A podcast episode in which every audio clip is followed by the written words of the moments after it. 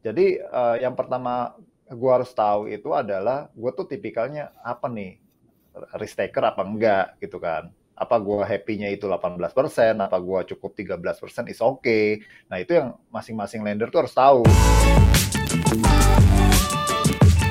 Halo, selamat datang di episode terbaru dari Tripod, Investri Podcast yang menghadirkan konten-konten edukasi yang sangat menginspirasi dengan topik-topik terkini seputar lender, borrower, dan isu-isu finansial lainnya nih.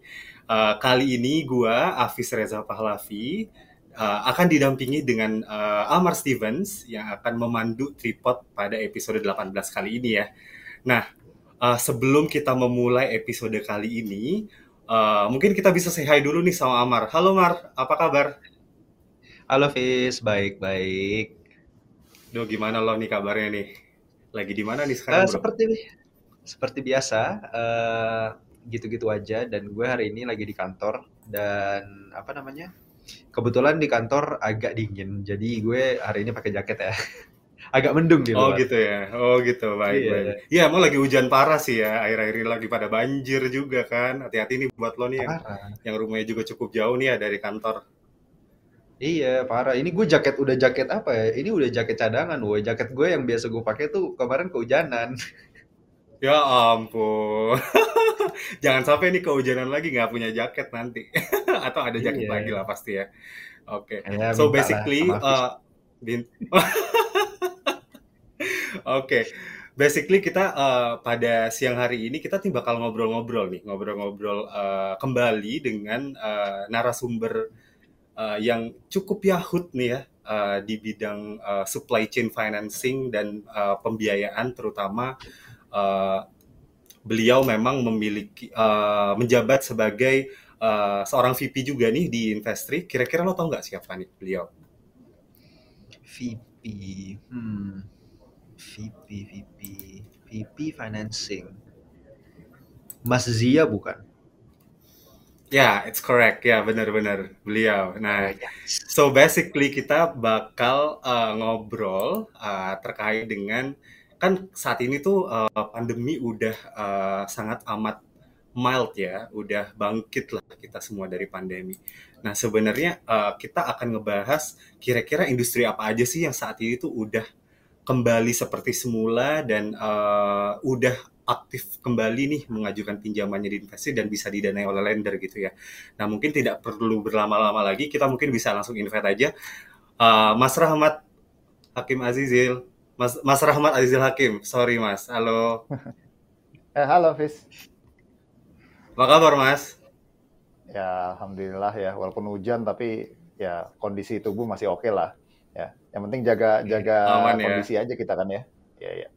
Yo yo Ini kita semua nih memang lagi pada sibuk-sibuknya ya uh, di Q4 2022 ini, tapi kita memang udah memang tetap harus uh, semangat terus ya dan jaga kesehatan juga nih.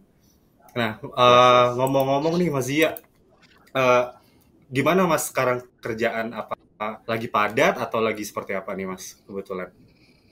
Ya kita udah ngantor terus ya sekarang ya. Jadi uh, lot juga udah mulai makin banyak ya. Kita juga aktivitas kan udah mulai makin normal ya. Jadi ya memang dalam tahap menyesuaikan juga ya. Cuma ya apa namanya namanya investri gitu ya tetap ngasih pinjaman terus ya kan terus kita terus cari apa namanya uh, new new borrower untuk kita bisa kasih financing dan juga otomatis ya ngebantu orang-orang yang membutuhkan pendanaan ya di dari fintech lending gitu. Betul betul betul wah.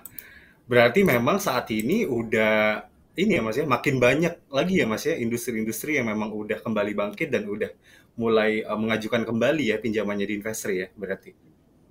Iya kelihatannya begitu ya, karena memang juga apa namanya udah mulai sering ketemu kan dulu kalau dulu kan zamannya zoom aja ya, namanya zoom hmm. gitu kan nggak nggak terlalu apa ya chemistry-nya nggak terlalu dapat. Kalau sekarang tuh dikit-dikit diajak ketemu, dikit-dikit meeting keluar, dikit-dikit meeting di kantor investri, ya jadi apa namanya gairahnya tuh kembali gitu ya kayak before pandemi.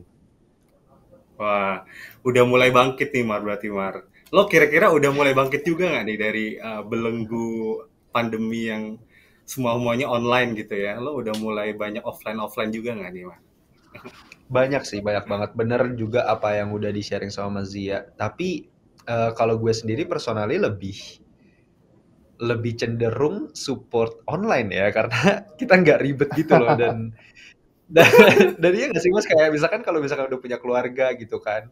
Kalau gue sih belum yeah. jadi gue sebenarnya nggak tahu gimana gimana rasanya. Tapi kalau misalkan yang denger dengar itu sangat membantu kan uh, untuk apa working moms especially di industri juga. Dan mungkin ya working father juga selain kejar target gitu kan bisa spending lots of time with children juga kan di rumah gitu. Jadi uh, agak agak kecewa dengan kita harus kembali. Tapi uh, tapi dengan I think uh, seru banget sih. Udah kita banyak banget kayak kemajuan technological wise.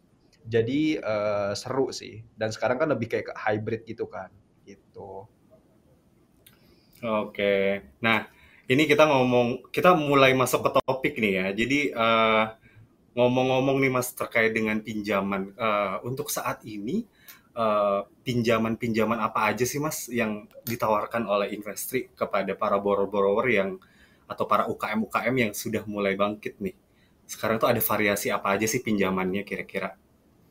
Oke, jadi pada dasarnya investasi kan membiayain untuk kredit produktif ya. Jadi mungkin banyak yang belum paham juga nih, sekalian jelasin ya.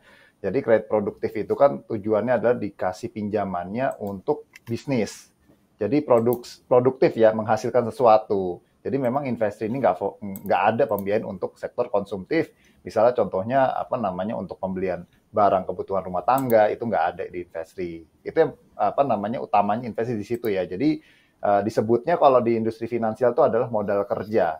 Jadi investasi membiayai modal kerja. Nah, produknya tuh apa aja sih modal kerja itu? Ya, yang pertama itu mungkin yang lain apa namanya udah diketahui mungkin sebagian publik adalah uh, account receivable financing atau berdasarkan apa namanya invoice ya atau PO. Jadi misalnya kan selama ini uh, kita kerja misalnya suatu apa namanya customer gitu ya mereka kerja uh, untuk deliver barang ke suatu perusahaan nah mereka kan dikasih apa namanya bahasa disebutnya term of payment atau jangka waktu pembayaran.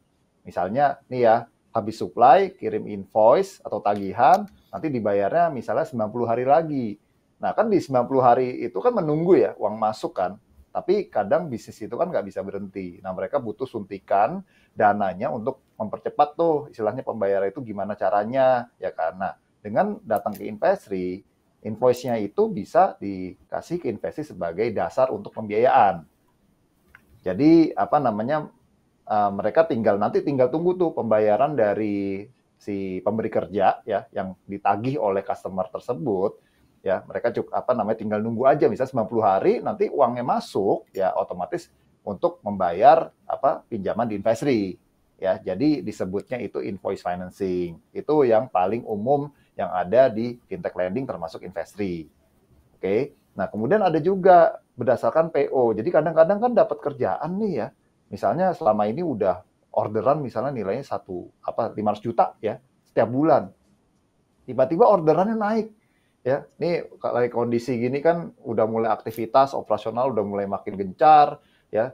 Orderan mulai naik gitu kan. Nah terus ada order naik kan nggak ada uangnya ya jadi uh, terkadang itu uh, mereka tuh menolak ordernya aduh kita nggak punya uang gitu kan untuk menjalankan order tersebut nah itu datang ke investri ya dengan apa namanya PO tersebut, order tersebut dari pemberi kerja, mereka bisa datang ke investri, ya kan? Nanti investri membiayain atas dasar PO tersebut, gitu. Jadi apa namanya orang yang pertama tagihannya tadi butuh waktu nunggu, sedangkan butuh, butuh modal kerja, dia bisa datang ke investri, atau yang punya orderan misalnya berkalat uh, yang sudah punya historis sama mereka, gitu kan, bisa ngajuin PO-nya ke investri sebagai modal kerja tambahan ya agar mereka bisa menjalankan order-order yang diberikan oleh pemberi kerja. Jadi umumnya dua produk itu.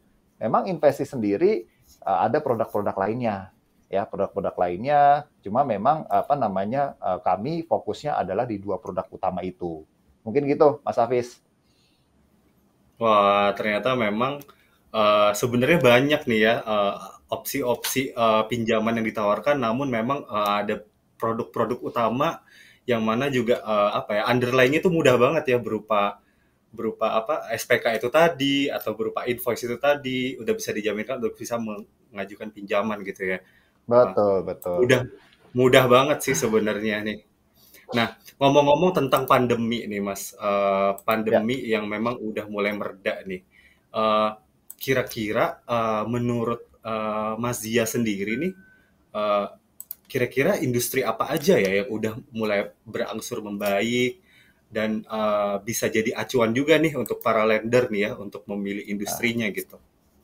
Oke, jadi kalau misalnya ngomongin industri ya dulu kalau mungkin lender-lender lama paham nih dulu investasi itu banyak ke sektor kreatif. Nah, sektor kreatif itu kan ya kalau misalnya tadi Mas Amar bilang ah enakan di rumah gitu kan, tapi sektor kreatif nih pada menderita nih, ya kan? Nggak bisa bikin konser, nggak bisa bikin acara event gitu kan, soalnya nggak ada yang datang. Tapi kalau misalnya dengan sekarang sudah apa kondisi sudah mulai normal lagi, ya mereka tuh mulai mendapatkan order-order tuh, order event, ya kan, terus kemudian order ya media sosial segala macam yang intinya berubah dengan orang mungkin harus berkumpul gitu ya. Nah itu mulai bergerak lagi, yang tadinya mereka stop, ya sekarang tuh mulai-mulai muncul lagi. Dan investasi itu apa memang uh, dibangun mulainya dari situ industri kreatif. Ya jadi itu mungkin bisa jadi salah satu yang apa namanya dipilih nih para lender. Karena apa namanya memang sedang gencar-gencarnya dan budgetnya itu sekarang mungkin sedang lumayan ya untuk pemberi kerjanya ya. Nah, kemudian juga ada sektor yang mungkin bisa dilihat adalah pemerintahan.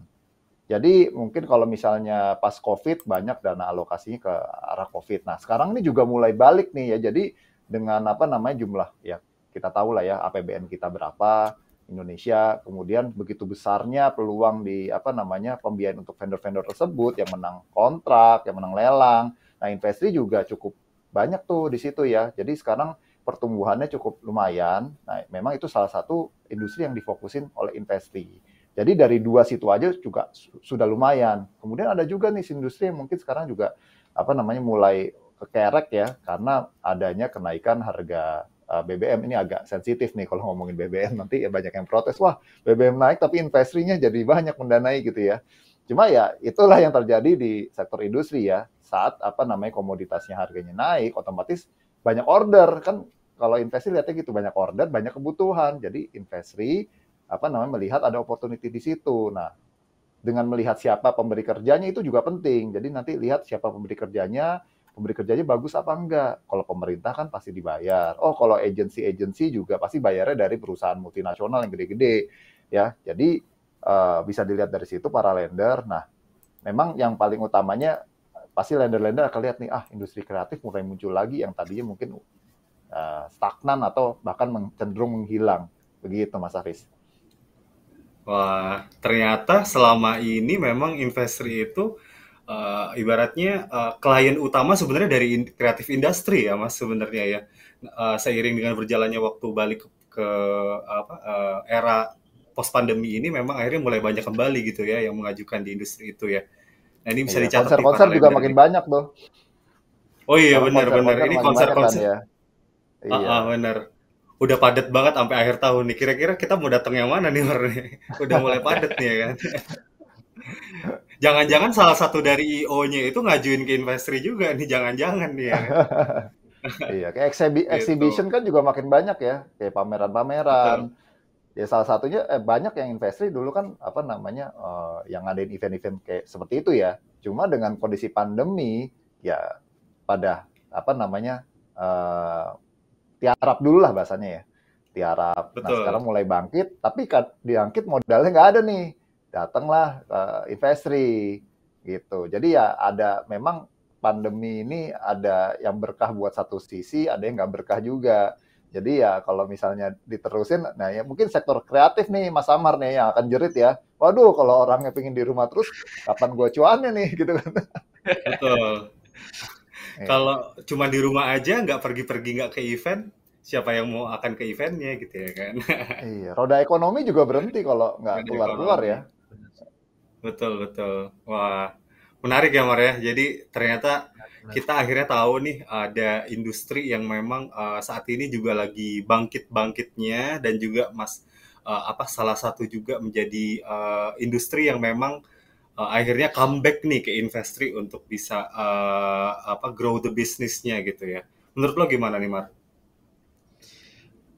Menurut gue interesting banget sih. Dan uh, apalagi kayak gue kayak ngerasa kayak gue dapet sentilan nih dari Mas Dia nih. Lu jangan ya udah jangan di rumah aja. Gue tahu itu enak. Tapi uh, apa namanya untuk ekonomi itu sebenarnya nggak terlalu sehat. Well nah gue sebenarnya uh, apa penasaran banget nih Mas. Um, kan tadi Mas Dia bilang uh, mulai banyak banget sekarang yang kembali untuk uh, mengajukan ya mengajukan uh, pinjaman kepada investri ada nggak sih tips gitu dalam memilih pinjaman lewat investri? Kira-kira industri apa aja yang uh, bisa dijadikan pertimbangan dalam mendanai? Kalau untuk uh, dari sisi lender ya? Oke, jadi sebetulnya uh, dengan kondisi pandemi ya, investri kan juga belajar banyak ya.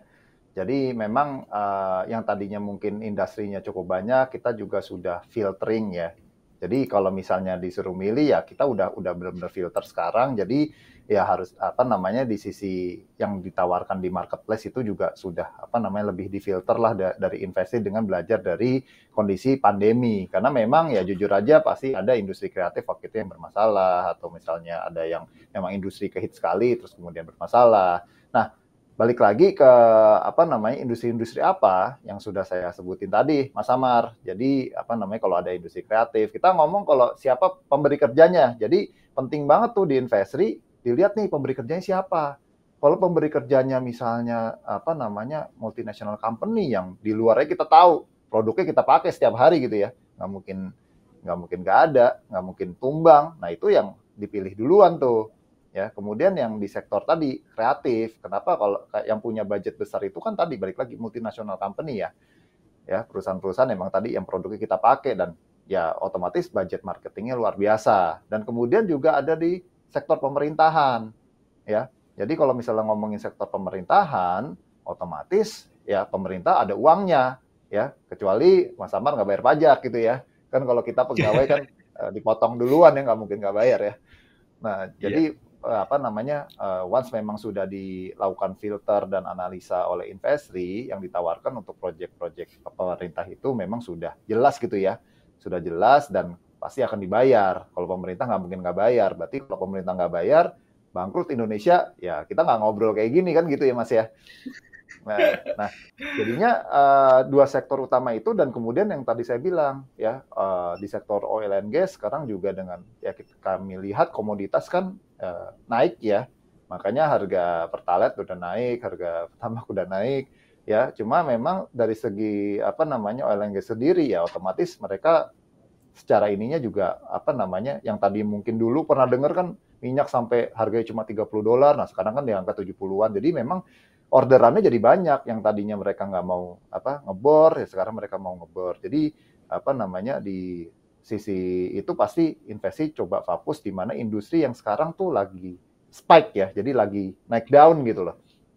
Ya hmm. nah itu yang sebetulnya apa namanya umum yang bisa diketahui juga oleh para lender. Ya oh milih yang ini nih oh ini aman nih proyeknya tapi kalau misalnya ngomongin siapa nih yang paling bagus ya nah ya saya bisa bilang bahwa ya investri sebis apa namanya sudah uh, dengan kapabilitas investri kami sudah berusaha untuk memfilter jadi memberikan penawaran yang memang yang yang resikonya itu bisa bisa bisa di apa namanya dilihat juga dari scoringnya gitu. Jadi apa namanya untuk para lender ya otomatis kan lihat historical kemudian lihat scoring kemudian lihat si pemberi kerjanya ya high risk high return ya. Kalau misalnya memang apa namanya appetite-nya lebih rendah ya mungkin dengan scoring yang posisi lebih baik dengan interest gain yang mungkin lebih rendah. Gitu sih Mas Amar. Nah, Mas Zia, kalau misalkan dari Mas Zia sendiri, kira-kira apa advice untuk para lender dalam mendanai pinjaman dan memilih industri yang tepat, Mas? Oke, jadi kalau misalnya, misalnya gue pribadi as lender gitu ya, jadi uh, yang pertama gue harus tahu itu adalah gue tuh tipikalnya apa nih, risk taker apa enggak gitu kan apa gue happy-nya itu 18%, apa gue cukup 13% is. Okay. Nah itu yang masing-masing lender tuh harus tahu. Once mereka tahu, let's say mereka, oh gue maunya 18% ya gitu kan. Kalau misalnya 10% kayaknya gue main yang lain aja gitu kan. Nah mereka mau yang tinggi, nah mereka kan pasti otomatis scoringnya yang misalnya dapetnya C gitu ya. Nah kemudian mereka yang mereka harus lihat itu industrinya apa. Misalnya tadi kan sudah diinfo ya, industri yang lagi naik down misalnya kreatif industri ya kan model-model event ya model-model apa namanya production house.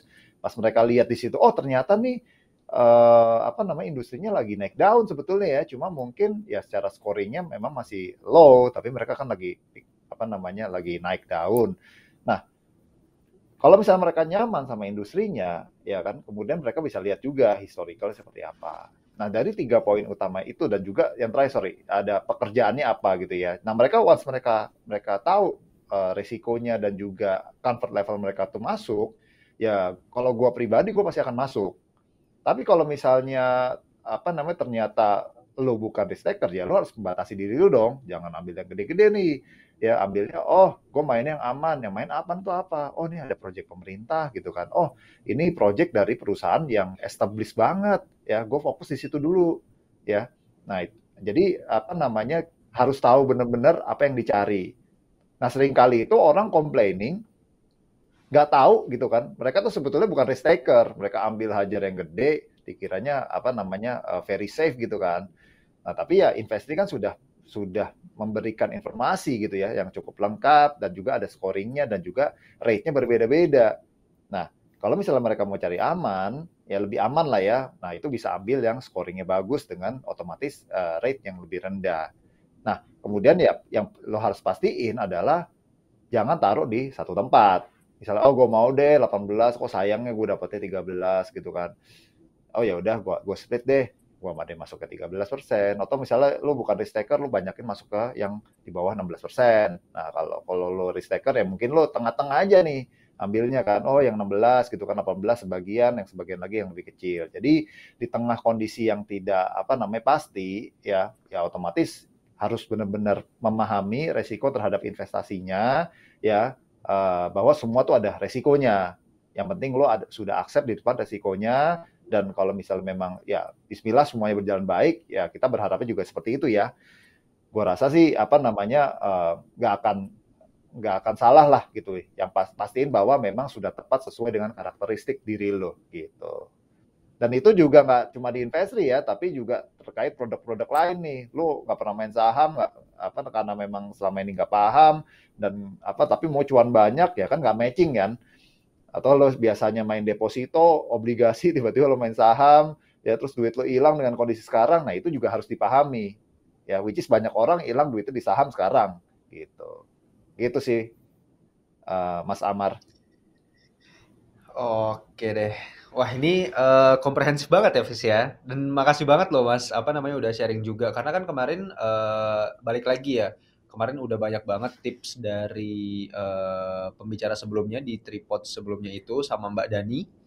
Kalau misalkan uh, belum uh, melihat tripod dan juga penasaran tips-tips apa aja, jadi uh, kemarin tuh uh, kalau nggak salah Fis, uh, Mbak Dani itu sharing soal tips caranya memilih uh, tingkat resiko uh, apa namanya uh, berdasarkan kemampuan atau kapasitas diri sendiri ya Fis ya. Betul, profil risiko masing founders gitunya. Jadi memang uh, combo banget ya ketika memang orang udah nonton yang seri Tipot sebelumnya and then nonton yang bersama Mas Zia ini orang juga akhirnya berhati-hati lagi dan juga pastinya ketika kemenangan atau mau milih untuk berinvestasi juga harus disesuaikan kembali dengan profil risiko dan juga preferensi uh, dari masing-masing orang tersebut ya. Wow. Oke okay deh. Wow, gila sih, keren banget sih untuk uh, sesi tripod di uh, apa di siang hari ini ya bersama Mas uh, Zia ya. Thank you banget nih Mas Zia udah menyempatkan waktunya di siang hari ini. Thank you banget juga yeah, Amar you, yang you. udah mendampingi kita semua untuk uh, do tripod kali ini. Kita uh, appreciate banget nih. Jangan lupa buat semuanya untuk uh, subscribe uh, YouTube dari Invest like like video tripod ini dan juga share uh, sebanyak-banyaknya ke teman-teman kalian. Uh, mungkin uh, tripod kali ini kita akhiri. Terima kasih banyak semuanya. Sampai jumpa di tripod selanjutnya. Uh, thank you, thank you. Terima kasih. Terima kasih, terima kasih Hafiz. Uh... Thank you, thank you Hafiz. Thank you Amar.